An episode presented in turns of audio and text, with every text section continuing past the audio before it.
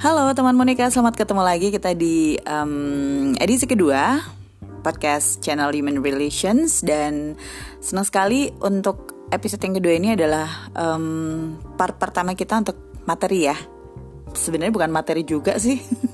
Aku berasa kayak apa gitu ya. Tapi yang jelas hari ini akan ada uh, sebuah topik yang akan kita bahas. Eh bukan kita bahas sih. Uh, kan yang ngebahas cuma aku sendiri ya kan. Oke, okay. um, karena podcast kita ini adalah tentang human relations dan seperti janji di pertemuan sebelumnya bahwa yang akan diobrolin adalah sesuatu yang berhubungan dengan bagaimana seseorang memiliki relations dengan orang lain. Kali ini akan ada bahasan tentang olfaktik. Oke, familiar nggak dengan istilah itu ya, olfaktik ya? Mungkin ada beberapa yang sudah tahu atau sudah familiar dan sudah terbiasa dengan istilah itu terutama untuk yang belajar ilmu komunikasi ya. Atau mungkin juga ilmu lain ya. I'm not really sure ilmu apa lagi selain komunikasi yang belajar tentang ini. Buat kamu yang uh, punya background ilmu komunikasi istilah olfaktik pasti adalah sesuatu yang um, udah biasa lah ya didengar lah ya. Tapi buat yang belum tahu olfaktik itu ada kaitannya dengan bau-bauan. Nah kenapa bau-bauan ini bisa jadi bahan uh, kajian atau bahan obrolan hari ini karena bau-bauan itu adalah salah satu bentuk komunikasi nonverbal gitu. Jadi dalam kehidupan sehari-hari kita tuh um, terdiri dari komunikasi verbal dan nonverbal. Kalau komunikasi verbal itu adalah segala sesuatu komunikasi atau semua bentuk komunikasi yang ada kaitannya atau yang terdiri dari kata-kata. Jadi misalnya like this ya podcast ini misalnya. Terdiri dari kata-kata right? Jadi kita bisa sebut ini adalah komunikasi verbal. Or kita bisa sebut komunikasi verbal itu yang berhubungan dengan kata-kata yang tertulis. Jadi ada dua verbal itu ada yang tertulis ada yang terucap. Kalau yang tertulis itu ya semua tulisan yang um, bisa dibaca ya yang ada pesannya that's komunikasi verbal. Kalau komunikasi nonverbal itu adalah semua hal yang berhubungan dengan komunikasi yang dia tuh bisa kayak transfer pesan gitu ya. Jadi orang jadi tak orang yang tadinya nggak tahu jadi tahu. Nah itu komunikasi nonverbal. Yang jelas tidak ada melibatkan kata-kata di sana. Ada riset yang mengatakan kalau kita manusia gitu ya berkomunikasi dalam kehidupan sehari-hari itu prosentase komunikasi nonverbalnya tuh lebih gede sebetulnya dibandingkan dengan komunikasi verbal. Dan itu tidak hanya terbatas untuk orang-orang yang apa ya kan ada tuh ya tipe orang yang dia tuh nggak suka banyak ngomong gitu.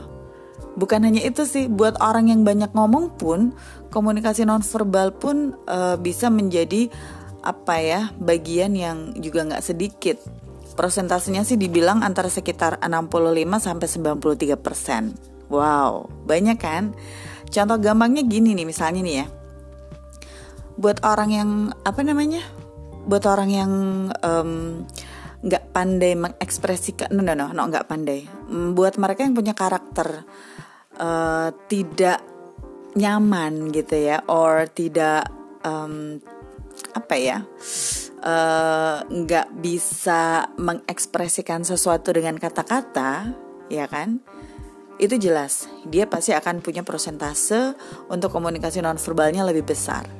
Tapi sebetulnya untuk kita atau untuk orang-orang yang um, dia adalah kelompok orang yang ekspresif misalnya yang dia bisa banyak bicara dia nggak malu dia punya karakter yang bisa bersuara gitu ya itu juga sebetulnya persentase komunikasi nonverbalnya juga gede juga gitu. Karena sebetulnya komunikasi nonverbal itu macam-macam nah kalau olfaktik ini hanya salah satunya aja gitu ya. Mungkin uh, di bagian lain dari podcast ini kita akan bisa bahas yang lainnya cuman kali ini kita akan bicara mengenai olfaktik. Nah Olfaktik itu sebetulnya um, dia masuk ke kategori environmental factors ya atau hal-hal yang berhubungan dengan environmental kalau dikaitkan dengan komunikasi nonverbal. Soalnya kalau kita melihat komunikasi nonverbal yang lain itu misalnya ada kinesik, and then ada haptic, sentuhan, bo, sentuhan. Terus ada physical appearance juga gitu ya. Ada artefak and so on and so forth. Nah, si olfaktik ini dia bagian dari environmental factors. Um, tahu nggak sih kalau sebetulnya ya bau itu adalah sesuatu yang sudah menjadi uh, hal yang penting dalam komunikasi itu sejak berabad-abad lamanya gitu ya terutama uh, bau-bauan yang menyenangkan jadi misalnya kayak parfum gitu ya kayak wangian gitu ya sekarang pertanyaannya muncul gini how can a perfume communicate something Menurut kamu bisa nggak sih parfum itu mengkomunikasikan sesuatu? Sebenarnya ini menarik juga ya. Jadi tadi malam, ya tadi malam sampai dini hari sih, um, aku tuh habis chatting ceritanya sama sama seorang temen yang sebetulnya temennya tuh kenalnya baru aja sih. Cuman kita udah kayak klop banget gitu, udah kayak klik banget. Udah ya udah udah seperti kenalnya udah lama gitu. Nggak tahu gimana semalam itu kita ngobrol tentang parfum dan kita ternyata adalah jamaah dari brand parfum yang sama itu itu ini banget nggak ngira banget gitu ya nah kita sempat bahas itu karena dia sempat cerita gini um, ada ada ada pengalaman yang dia alami gitu ya uh, ketika dia lagi studi lanjut di luar negeri. Ada salah satu temennya itu yang punya uh, yang memakai parfum dengan aroma yang sangat menyengat ya aroma yang sangat menyengat.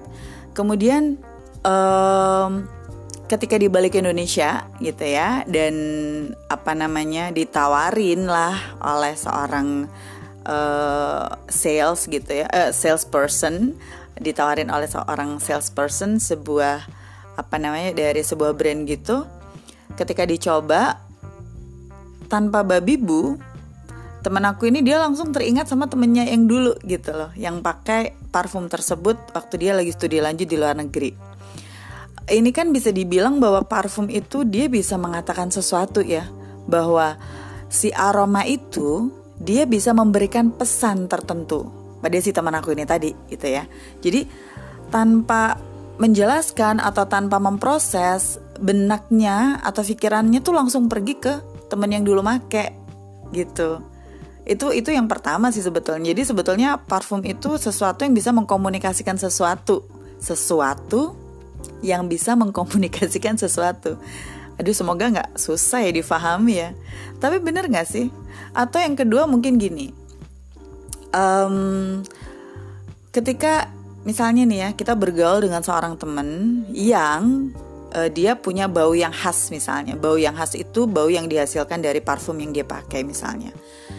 Ada masa di mana kita nggak nyaman dengan bau parfum tersebut dan di kesempatan yang lain, ketika kita membaui bau tersebut, benang kita langsung akan melayang ke si orang itu gitu ya.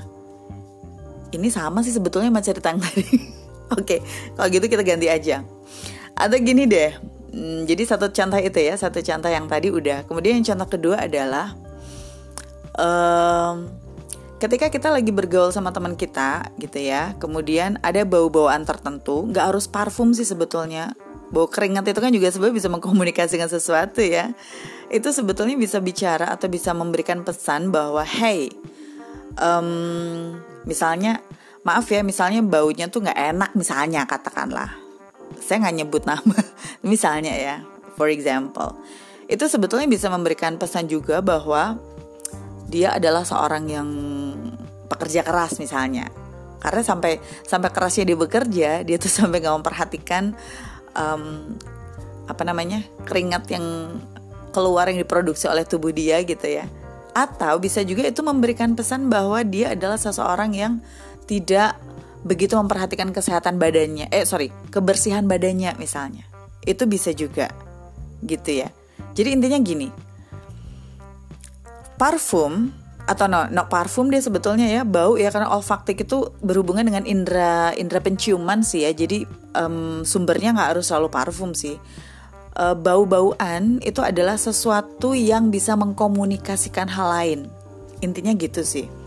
Dan sekarang kita kan juga tahu ya kalau ada apa namanya parfum yang emang dia tuh baunya enak baunya segar macam-macam kayak dia jenis parfum tuh ada yang baunya elegan ada yang baunya seribu umat misalnya. Itu kan ada juga. Nah itu bisa memberikan pesan tersendiri misalnya. Kalau kita ketemu dengan orang yang pakai parfum dengan parfum yang aromanya seribu umat, berarti pesan dia adalah eh uh, sorry, berarti pesan yang muncul dari dia bisa jadi adalah dia termasuk orang yang um, punya selera yang sama dengan banyak orang, ya. Kemudian kalau dilihat dari harga parfumnya misalnya, seseorang yang pakai parfum dengan harga yang murah misalnya ya, bisa dibilang berarti dia Iya memang bukan tipe orang yang suka spending much money untuk hal seperti ini gitu. Jadi intinya bau-bauan memang bisa memberikan uh, pesan. Itulah mengapa bau-bauan itu menjadi salah satu contoh atau salah satu bagian dari komunikasi nonverbal gitu. Nah, sekarang gimana setiap hari sudah merasa bau badan kita baik-baik saja, uh, sudah merasa bahwa bau badan kita memberikan pesan tertentu kepada orang lain. Nah itu sih aku kembaliin ke kamu semua ya.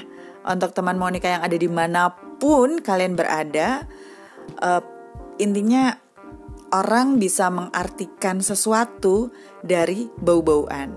Nah, yang paling dekat dengan human relations itu kan hubungan antar manusia ya dan orang pasti akan lebih nyaman ketika berhubungan dengan orang lain dan tidak ada bau-bauan yang mengganggu gitu.